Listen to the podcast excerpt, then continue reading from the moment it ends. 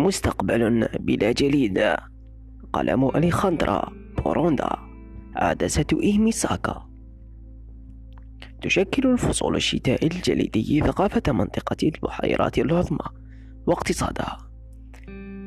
وبينما تحول ظاهرة احترار المناخ الجليد المعتاد إلى وحل بارد. يتنامى الإحساس بالخسارة والفقدان.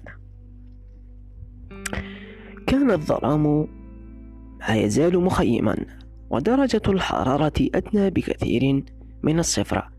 عندما توقفت كريستي ليفيت وأطفأت المحرك الهادرة لدرجة النارية. رباعية الدفع. للحظة من الزمن لم يسمع سوى همس الرياح الخافت وهي وهو يمر على صفحة الجليد. ثم بدأ النور يغمر السماء الزرقاء الداكنة. كان الهواء البارد يلسع رئتيها متطثرة بمعطف وردي فاقع يناسب مع لونها كوخها ومعدات صيدها. قفزت ليفيت مع مقعد السائق.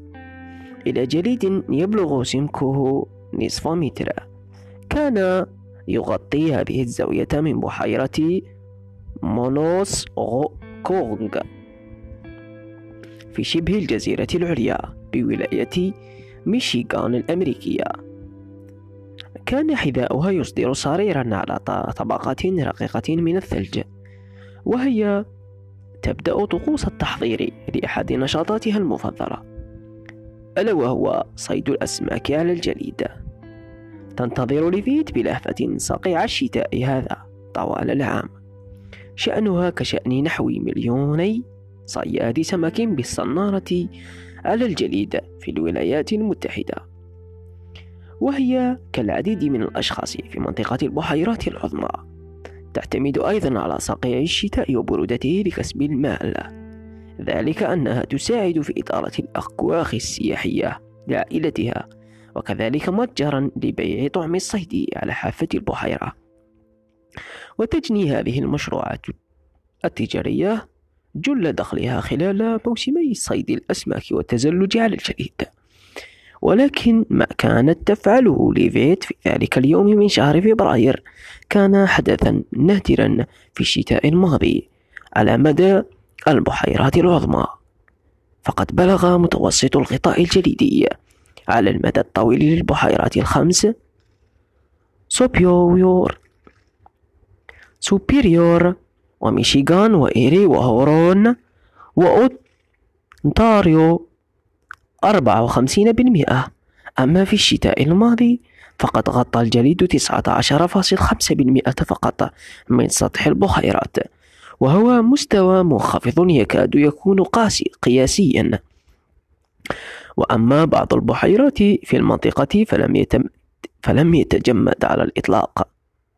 فيما لم تشهد أخريات سوى آثار لا تكاد تلحظ من الجليد حول حوافها أو أن تلك الحواف تجمدت فترة وجيزة. وفي إجازة نهاية الأسبوع التي سبقت خروج ليفيت ارتفعت درجة الحرارة في المنطقة إلى 4.5 درجة مئوية. وكان صيادو السمك على الجليد يتعثرون في مشيتهم على الوحل الممزوج بالثلج وهم يرتدون قمصان قصيرة الأكمام.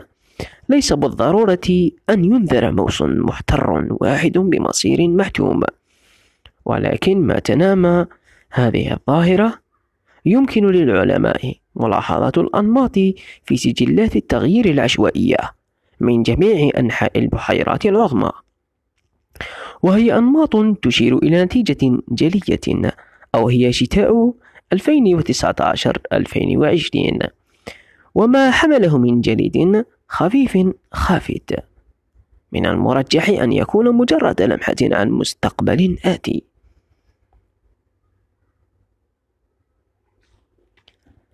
تاريخ يكتبه المناخ. تمثل البحيرات العظمى نحو 20% من المياه العذبة على سطح الأرض. ولتقريب هذا الوضع نستطيع القول إلى أن الكمية من المياه يمكنها غمر الولايات المتحدة المتجاورة بأكملها بما يقرب من ثلاثة أمتار من الماء.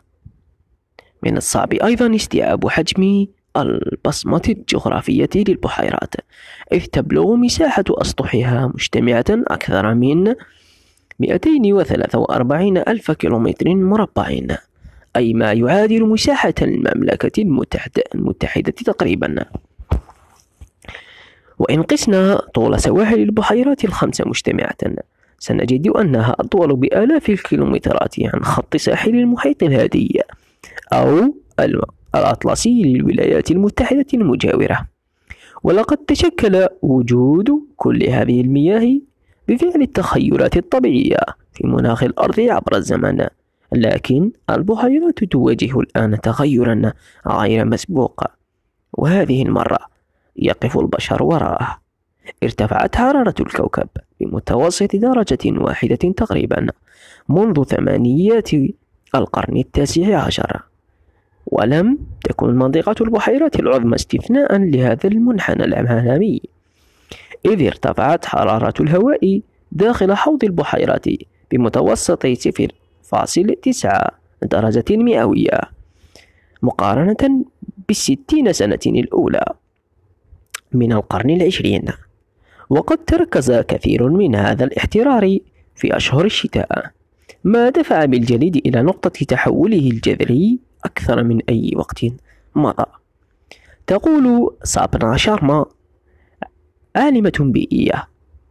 البحيرات لدى عالمة بيئة البحيرات لدى جامعة يوركا في تورونو إن جليد البحيرات مؤشر مدهش على حالة المناخ إذ يمثل إشارة واضحة إلى التغيير المناخي وقد ظل البشر يسجله في بعض الحالات على مر قرون من الزمن.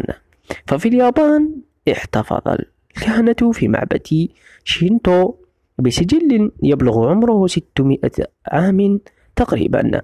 يدون أوقات تجمد بحيرتهم بالكامل.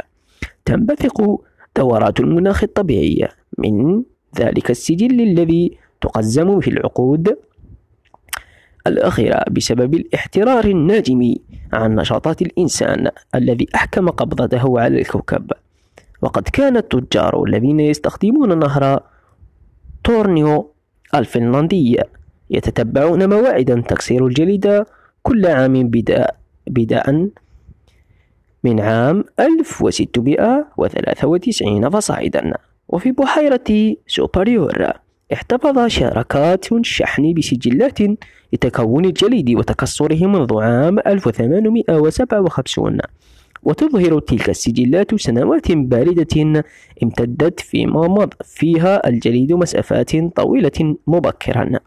وسنوات دافئة شهدت ثلوجا أقل لكنها إجمالا تمثل إشارة واضحة إلى ظاهرة الاحترار الناجم عن نشاطات الإنسان منذ الثورة الصناعية. وتقول ليسلي نول خبيرة البحيرات لدى محطة إيتاسكا البيولوجية في جامعة مونيس مينيسوتا إن ما يحدث في منطقة البحيرات العظمى هو جزء يسير من قصة أكبر وتدرس نول العلاقات الثقافية التي تجمع بين المجتمعات البشرية والبحيرات المتجمدة.